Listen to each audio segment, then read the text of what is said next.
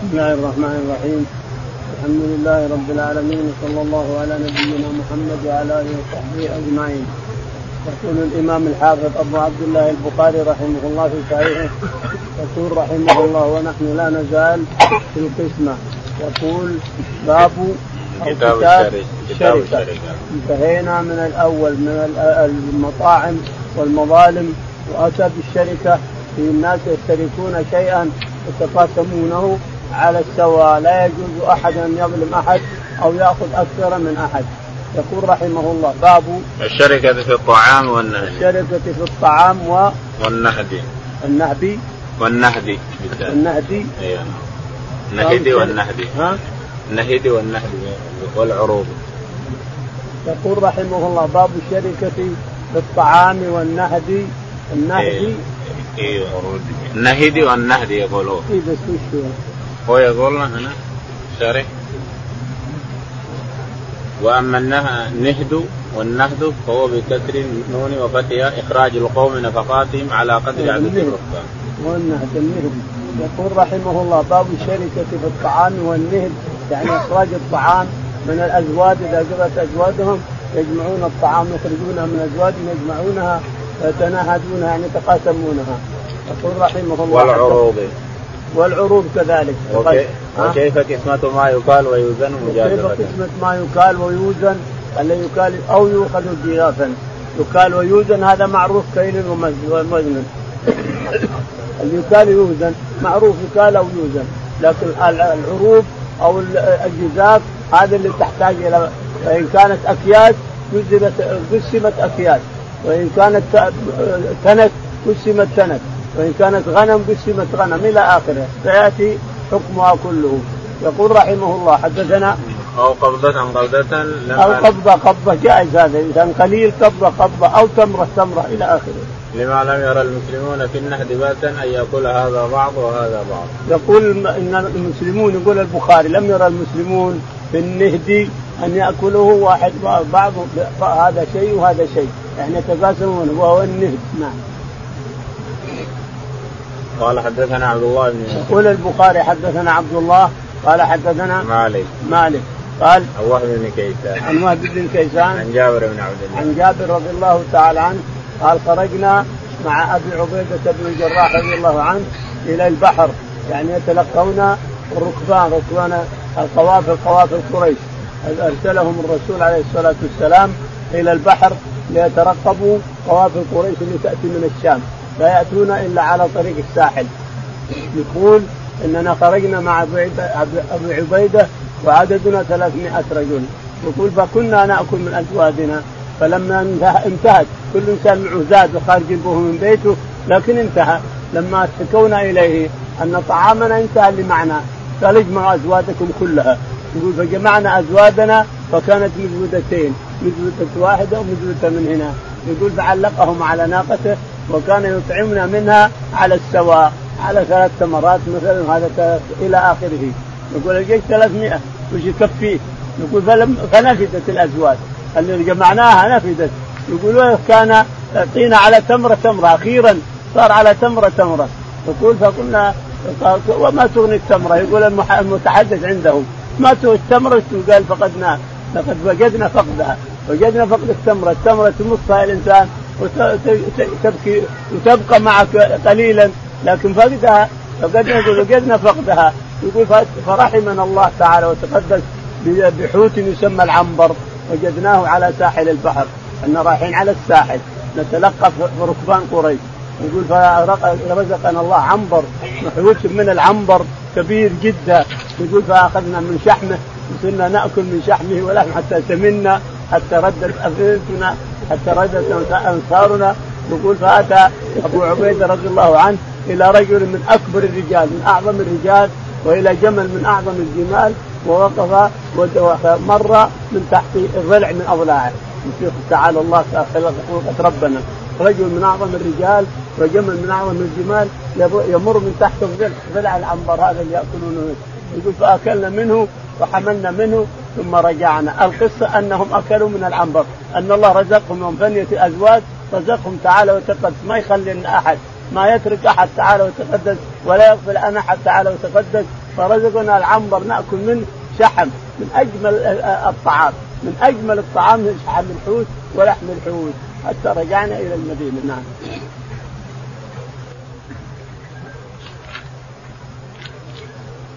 قال رحمه الله دثنا بشر بن مرحوم قال دثنا حاتم بن إسماعيل يزيد بن أبي عبيد أي يزيد بن أبي عبيد عن سلمة رضي الله عنه قال صفت أزواج القوم واملقوا فأتوا النبي صلى الله عليه وسلم في نهر ابل فأذن لهم فلقيهم عمر فاخبروا فقال ما بقاكم بعد إبلكم؟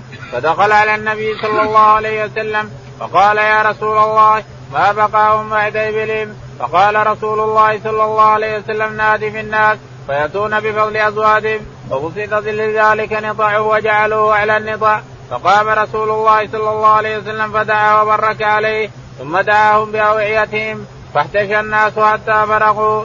ثم قال رسول الله صلى الله عليه وسلم أشهد أن لا إله إلا الله وأني رسول الله.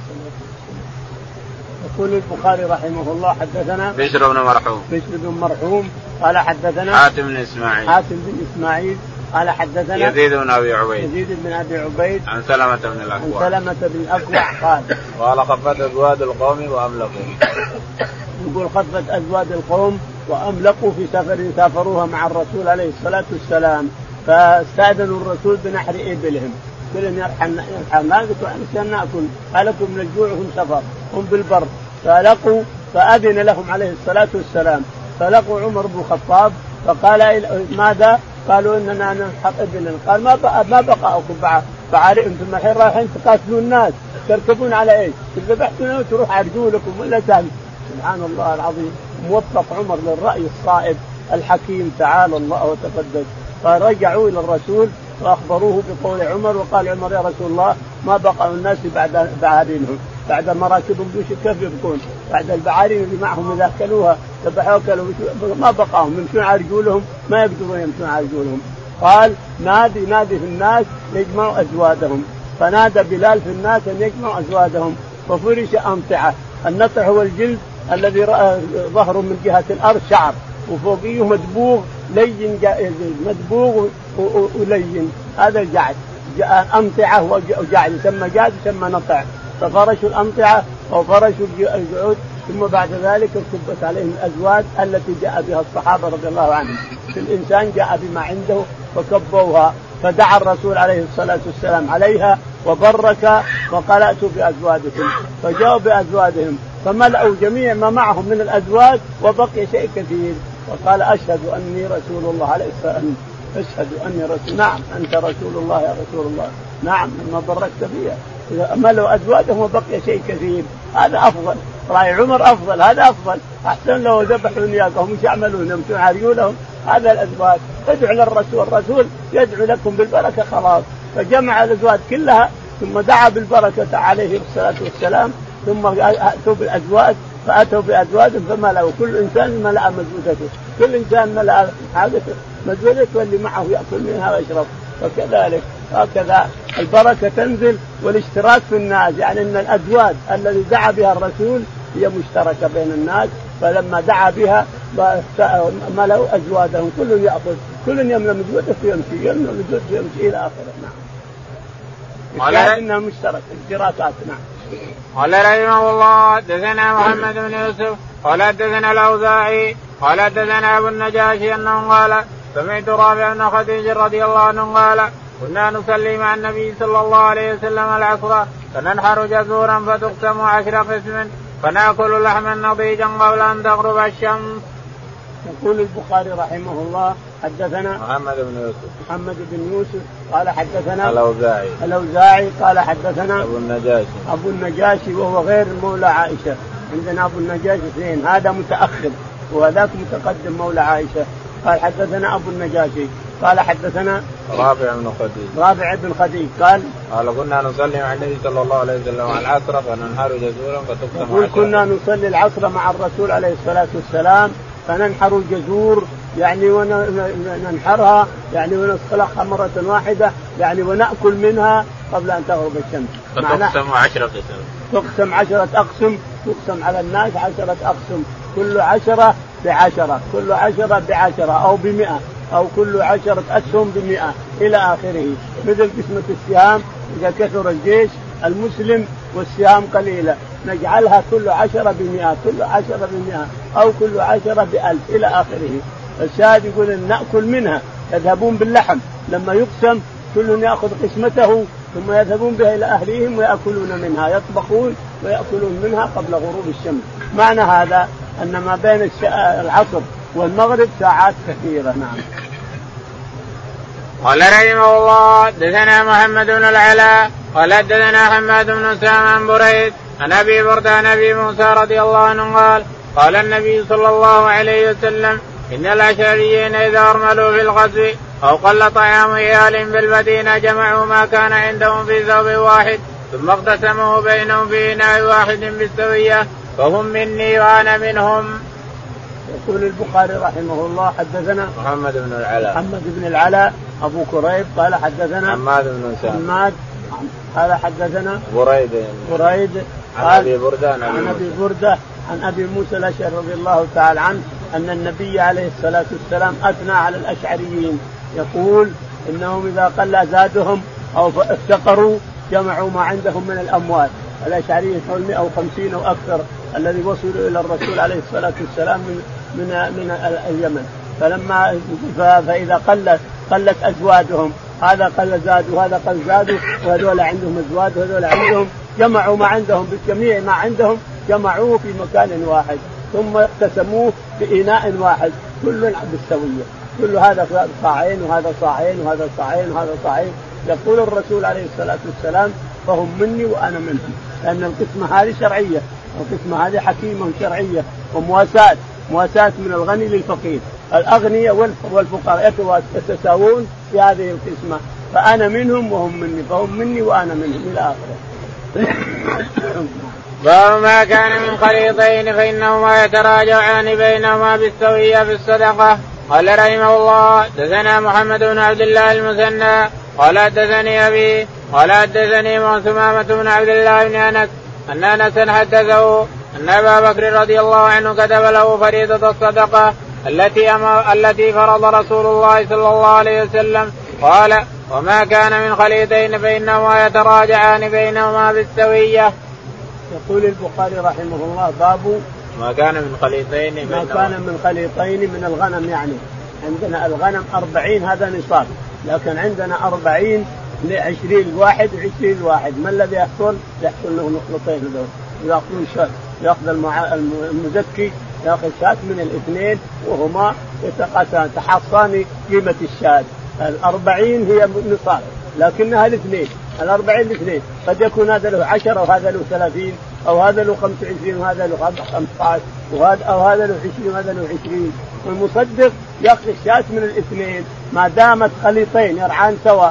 يصومون سوا ياكلون العيش سوا فهما خليطان طول السنة. فهذا المصدق ياخذ من الأربعين. ما له شغل بالخلطة الخلطة ما له شغل بها. ياخذ من الأربعين وأنتم بالخليطين تتقاسمان ثمن الشاة. أنت لك عشرة تأخذ العشر أنت لك عشرين له عشرين من قيمتها أنت تأخذ عشرين وهو عشرين. يعني كل واحد يسلم نصف القيمة إذا كانت القيمة أربعين. إذا كان قيمة الشاة أربعين فأنت عليك عشرين وأنت عليك عشرين يتقاسمانها والمصدق يأخذ شاة وحدها نعم. قال حدثنا محمد بن عبد الله. يقول البخاري حدثنا محمد بن عبد الله. عن أبي عبد الله. عن أبي عبد الله قال. قال حدثني ثمامة بن عبد الله. حدثني ثمامة بن عبد الله عن أنس بن مالك رضي الله عنه أن النبي عليه أن أبا بكر كتب له أن أبا بكر كتبه قسمة الصدقات الإبل والغنم وغيرها من الصدقات اللي يزكيها أنس بن مالك. يقول فقال لي الخليطين خذ منهم واحد. الخليطين إذا كانوا خليطين خذ الشاة منهم. إذا كانوا أربعين واثنين خليطين بالأربعين خذ منهم شاة. وإن كانوا 121 وهما ثلاثة خلطاء خذ منهم شاتين وهم يقتسمون القيمة. قيمة الشاتين يقتسمها الثلاثة لأن لأنها صارت نصابين الحين. بلغت إلى نصابين 121 فيها شاتان. يتقسمها ثلاثة أو اثنين أو أربعة يتقاسمونها بينهم. هم شركاء فيها نعم.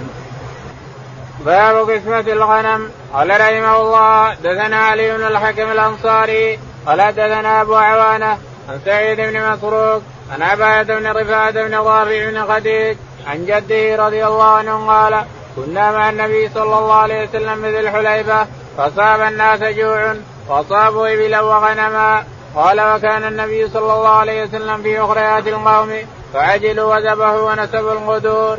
فأمر النبي صلى الله عليه وسلم بالقدور فاكفئت ثم قسم فعدل عشرة من الغنم ببعير فند منها بعير فطلبوا فأحياهم. وكان في القوم خيل يسيرة فهو رجل منهم بسهم فحبسه الله. ثم قال إن لهذه البهائم أوابد كوابد الوحش فما غلبكم منها فاصنعوا به هكذا فقال جدي إنا نرجو أو نخاف العدو غدا وليست مدا وليست مدا أفنذبح بالقصب قال ما نرى الدم وذكر اسم الله عليه فكلوه ليس السن والظفر وسأحدثكم عن ذلك أما السن فعظم وأما الظفر فمدى الحبشة.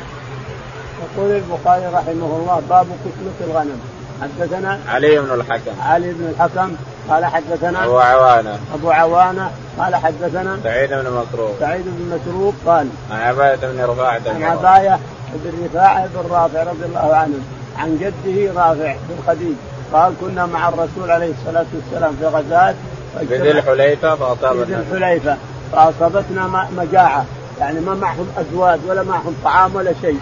يقول فقسم الرسول علينا عليه الصلاة والسلام نعم. فأصابوا إبلا وغنما. فأصبنا للمشركين إبلا وغنما. يقول فقسم عليه الصلاة والسلام. وكان النبي صلى الله عليه وسلم في أخريات القوم فعجلوا وذبحوا. وكان النبي في أخريات القوم فعجل بعض الناس من الجوع فذبحوا وطبخوا بالقدور فلما جاء قال ما هذه القدور قالوا من السبي اللي أخذنا من الغنائم اللي أخذنا. قال اطفئوها اطفئوها اطفئوها ما تحل ما تحل حتى تظهر فيها السهام حتى تقسم على المسلمين وكل يأخذ سهمة. فاعملوا ما تشاءون. فكفأوها ثم قسم عليه الصلاة والسلام كل عشره عن جمل كل عشر من الغنم عن بعير. هذه قسمة. وأما الهدي والأضاحي وغيرها فالسبع عن عن ناقة. السبعه عن ناقة والسبع عن بقرة. أما في قسمة المغانم فقسم عليه الصلاة والسلام كل عشره عن ناقة. وكل عشره عن جمل إلى آخره. واخذوها قسمها الرسول بين الصحابة رضي الله عنهم. نعم. قال فند منها بعير فطلبوه يقول فند من البعارين بعير. ند يعني هرب. هرب البعير وكان ما عندهم خيل. ما في إلا خيل قليلة المقداد بن الأسود والزبير العوام عندهم خيل والبقية منه. لكن عجزت الخيل ان تلحقه هرب. جمل هرب بقوته يركض فأخذ واحد منهم سهم وضربه على فخذه فحبسه. قال إن هذه البعارين الجمال والبقر وغيرها لها أواب لها أخلاق ولها ملكات مثل ملكات الصيد مثل الوحش مثل الوحش من الملكات شيء أخلاق وملكات أعطاها الله إياها فقد تند وتهرب. لكن إذا حصل شيء من هذا فارموه افعلوا به هكذا يعني ارموه بالسام يحبسه الله لكم. نعم. فقال جدي إنا نرجو أن أو نخاف العدو غدا وليس قال جدي قالوا للرسول عليه الصلاة والسلام يا رسول الله إننا نخاف العدو بكرة نصبح العدو أو نمسيه ما معنى إلا سكاكين قليله ولا نبي نستغلها في نحر إبل أو غيرها. نبي نتركها للعدو من حربه العدو فماذا تأمرنا؟ قال فهل نذبح بالقصب؟ القصب نذبح به القصب هذا نكسره ثم نذبح به أو قال قال اذبحوا بكل شيء يهرق الدم كل شيء يهرق الدم اذبحوا به. وذكر اسم الله يعني ها؟ ما انهر الدم وذكر اسم الله ما انهر الدم وذكر اسم الله عليه فهو حلال. إلا السن والظفر. وسأحدثكم. أما السن فعظم والعظم ما يجوز الذبح به. وأما الظفر فمدى ومدى الحبشة. يعني الحبشة يتركون أظفارهم حتى تصير مثل المسامير. ثم يذبحون بها. يخلق يخلق بها الطير يخلق بها الوحده لأنها تصير مثل يتركها ما يحلقها ما يقص اظفاره يخليها حتى تصير مثل الدبابيس ثم يخنق فيها الطير ويخنق فيها الذبيحة ويخنق فيها الدجاج ويخنق فيها الأشياء. يعني يذبحون بها مدى الحبشة. يعني سكاكين الحبشة أظفارهم سكاكينهم فلا يجوز ذبح بالظفر الظفر ممنوع الذبح به والسن العظم ممنوع الذبح. يعني تعضها بسنونك ما يجوز. نعم. باب القران في التمر بين الشركاء تستاذن أصحابه. قال رحمه الله دثنا خلاد بن يحيى قال دثنا سفيان قال دثنا جبلة بن السحيم قال سمعت ابن عمر رضي الله عنهما يقول نهى النبي صلى الله عليه وسلم أن يقرن الرجل بين التمرتين جميعا حتى يستأذن أصحابه. يقول البخاري رحمه الله باب النهي عن قران التمرتين إذا كنت تأكل مع أناس مشترك وياهم في الصحن وفي تمر لا تقرن اثنتين حتى تستأذن. استاذن من أصحابك اللي تأكل منهم. فإن أذنوا لا بأس. وما لا ما أذنوا فهو حرام عليك. ما يمكن. كل على تمره تمرة. كذلك العنب على عنبه عنبه إلى آخره. يقول البخاري رحمه الله حدثنا خلاد بن يحيى. خلاد بن يحيى. قال حدثنا سفيان. سفيان. قال حدثنا جبلة بن سحيم. جبلة بن سحيم. قال عن ابن عمر. عن ابن عمر رضي الله عنه أنه مر على أناس يأكلون تمرا شركاء. فقال لا تقرنوا أيها الناس. لا لحد يأكل حران اثنتين إلا بإذن صاحبه. فاني سمعت الرسول عليه الصلاة والسلام نهى عن القران إذا كان معه أناس يأكلون إلا بإذن صاحبه. نعم. قال رحمه الله دثنا أبو الوليد قال دثنا شعبان جبل قال كنا بالمدينة فأصابتنا سنة فكان ابن الزبير يرزقنا التمر وكان ابن عمر رضي الله عنهما يمر بنا فيقول لا تقرنوا إن النبي صلى الله عليه وسلم نهى عن الإقران إلا يستأذن الرجل منكم أخاه.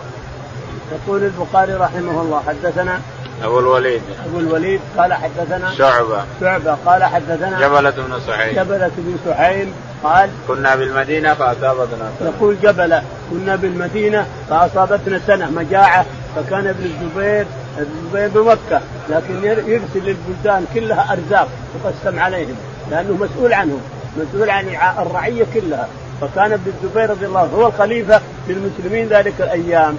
فكان يرسل قلل التمر تقسم بين أهل المدينة جميعا. كل أهل بيت يعطى حقه يقول فكنا نجتمع أحيانا على صحن تمر ونأكله. فيمرنا ابن عمر ويقول لا تقرنوا إلا بإذن. لا تقرن ثنتين إلا بإذن من من, من جليسك الانسان فإذا أذن لك فلا بأس. وإلا فهو يزعل يجزع. ما يبيك تاكل ثنتين. هو جيعان وانت جيعان وإذا كان ثنتين زعل وجزع. استاذنوا إن أذن فلا وإلا فلا تقرن. لا تقرن ثنتين ولا ثلاث. إلى آخره. باب تقويم الأشياء بين الشركاء بقيمة عد قال رحمه الله دثنا عمران بن ميسرة. قال دثنا عبد الوارث. قال حدثنا أيوب النافع عن ابن عمر رضي الله عنه قال قال رسول الله صلى الله عليه وسلم من اعتق شركا له من عبد أو شركا أو قال نصيبا وكان له ما يبلغ ثمنه بقيمة العدل فهو عتيق وإلا فقد اعتق منه ما اعتق قال لا أدري قوله اعتق منه ما اعتق قول من نافع أو في الحديث عن النبي صلى الله عليه وسلم. يقول البخاري رحمه الله باب تقويم الأشياء بين الشركاء باب تقويم الأشياء بين الشركاء. يعني ناس شركاء وعندهم جمل سوا كلهم مالكينه سوا أو عبد كلهم مالكينه سوا. كيف نقسم بينهم؟ نقومه بينهم. قيمته هذا كم دفع؟ دفع كذا. وهذا كم دفع؟ دفع كذا. وهذا كم دفع؟ دفع كذا. اشتروه الثلاثة سوا. نقسم بينهم على حسب قيمة كل إنسان دفعه. فنقسم بينهم على السواء فإن كان ملكوه من سهام يعني سهم في الجيش ملكوه فهو يقسم بينهم على السوية. كل واحد له ثلث إذا كانوا ثلاثة كل واحد له ثلث وإن كان اثنين كل واحد له نصفه إلى آخره. يعني يملكونه على حسب ما يقسم بينهم لأنهم شركاء. يقول البخاري. حدثنا عمران بن ميسرة. حدثنا عمران بن ميسرة. قال حدثنا عبد الوارث بن سعيد. عبد الوارث بن سعيد. قال حدثنا أيوب. أيوب. قال حدثنا نافع عن ابن عمر. نافع عن ابن عمر قال النبي صلى الله عليه وسلم قال من أعتق شخصا له من عبد أو شركا أو قال نصيبه وكان له ما يبلغ ثمنه بقيمته يقول ابن عمر رضي الله تعالى عنه من أعتق عبدا له شرك. يعني شراكته أما ربع العبد أو نصف العبد أو ثلث العبد. أعتق هذا الشرك هو. أعتق الجميع. أعتق الجميع متى؟ إذا كان المقابل شريكه غني. إذا كان شريكه غني. عتق. إذا كان هو غني. هو اللي أعتق كان غني عتق كله ويضمن قيمته لأصحابه للشركاء اللي معه في العبد. يضمن قيمة ما اعتق هو قيمه أصحابه له ويعتق العبد خلاص. هذا إذا كان المعتق هذا غني وعنده أموال وأعتق ربع العبد ما له إلا ربعه أعتقه أو له نصفه أعتقه. يضمن قيمة شركائه يضمنهم بقيمتهم فيقول العبد عتق منه ما عتق فإن كان ما هو غني فقير ولا يجد شيء فعتق منه ما عتق إن كان أعتق العبد أعتق حصته من العبد. فقير ما عنده شيء عتق من العبد ما عتق نعم. قال لا أدري قوله أعتق منه ما عتق قولا من نافع قول النبي عليه الصلاة والسلام لا شك عتق فإن كان المعتق المعتق فقير عتق من العبد ما عتق وإن كان غنيا قوم عليه وضمن حقوق أصحابه لهم وعتق العبد. إذا كان غنيا عتق العبد وضمن قيمة شركائه. وإن كان فقيرا عتق منه ما عتق. حصه اللي أعتق تعتق والباقي باقي قال رحمه الله دثنا بشر بن محمد قال أخبرنا عبد الله قال أخبرنا سعيد بن أبي عروبة عن قتادة عن النضر بن أنس عن بشير بن نهيك عن أبي هريرة رضي الله عنه عن النبي صلى الله عليه وسلم قال من اتق شقيقا من مملوكه فعليه خلاصه من ماله وان لم يكن له مال قوم المملوك قيمة عدل ثم استسقي غير مشكوك عليه. يقول البخاري رحمه الله حدثنا بشر بن محمد بشر بن محمد قال حدثنا عبد الله. عبد الله قال حدثنا سعيد بن أبي عروبة. سعيد بن أبي عروبة قال عن قتادة. عن قتادة رضي الله عنه قال حدثنا النضر بن أنس. النضر بن أنس عن بشير بن نهيك عن بشير بن نهيك قال عن أبي هريرة. عن أبي هريرة رضي الله تعالى عنه أن النبي عليه الصلاة والسلام قال نعم. من اعتق شخيصا من مملوكه فعليه خلاص من اعتق شخصا أو شقيقا أو شخصا من مملوكه فإن كان غنيا عتق عليه كله ويعطي شركائه قيمة الباقي. قيام اقيام حصتهم في العبد. يعطيهم إياه إذا كان غني. وإن كان فقيرا عتق منه كما سبق. عتق منه بحصته. حصة الليالي تملك ربعه يعتق الربع. تملك نصفه يعتق النصف. تملك الثلث يعتق الثلث. والباقي يبقى عبد. نعم. باب هل يقرأ في القسمة والاستهام فيه؟ قال رحمه الله دثنا أبو نعيم قال دثنا زكريا قال سمعت عامرا يقول سمعت النعمان بن بشير رضي الله عنهما عن النبي صلى الله عليه وسلم قال مثل القائم على حدود الله والواقع فيها كمثل قوم استهموا على سفينة فأصاب بعضهم اعلاها وبعضهم أسفلها فكان الذي في اسفلها إذا استقوا من الماء مروا على من فوقهم فقالوا لو أنا خرقنا في نصيبنا خرقا ولم نوز من فوقنا. فان يتركوهم وما ارادوا هلكوا جميعا وان اخذوا على ايديهم نجوا ونجوا جميعا. يقول البخاري رحمه الله باب هل يقرع في القسمة والاستهام؟ هل يقرع في القسمة والاستهام؟ قرعة الرسول قرع عليه الصلاة والسلام وبني إسرائيل قرأوا على مريم عيسى إلى آخره. فالقرعة شريعة الرسول إذا أراد عليه الصلاة والسلام أن يغزو أو يحج أقرع بين نسائه. فمن وقعت عليها القرعه خرج بها. وكذلك المغازي يقرع بين الكذب كذلك النساء طلقت ونسيت المطلقة تقرع بينهن. إذا طلقت ونسيت من نسائك المطلقة نسيتها طلقت واحدة منهن لكن نسيتها فاقرع بينهما ومن وقعت عليها القرعه طلقت فالقرعة شريعة ذكرها الله في مسألتين. مسألة يونس بن متى لما اقترع أهل السفينة وقفت البحر اقترعوا وقع السهم عليه وقع وحبسه الله في بطن الحوت كما قص علينا وجرت على مريم من يكفلها؟ يكفلها زكريا ولا من يكفلها؟ ألقوا الأقلام فليسقط قلمه في البحر يغطس في البحر هو اللي يقتل مريم فسقط سهم قلم زكريا فكفلها زكريا كفل مريم فكانت في المحراب كما قص الله علينا تعالى وتقدم فالقرعة وردت في كتاب الله مرتين ووردت في سنن الرسول عليه الصلاة والسلام مرار عديدة. كل ما أراد أن يغزو أو أراد أن يحج أقرع بين النساء. وكذلك المسلمون إذا طلق امرأة ونسيها يقرع بين النساء فاللي تقع عليه القرعة كذلك.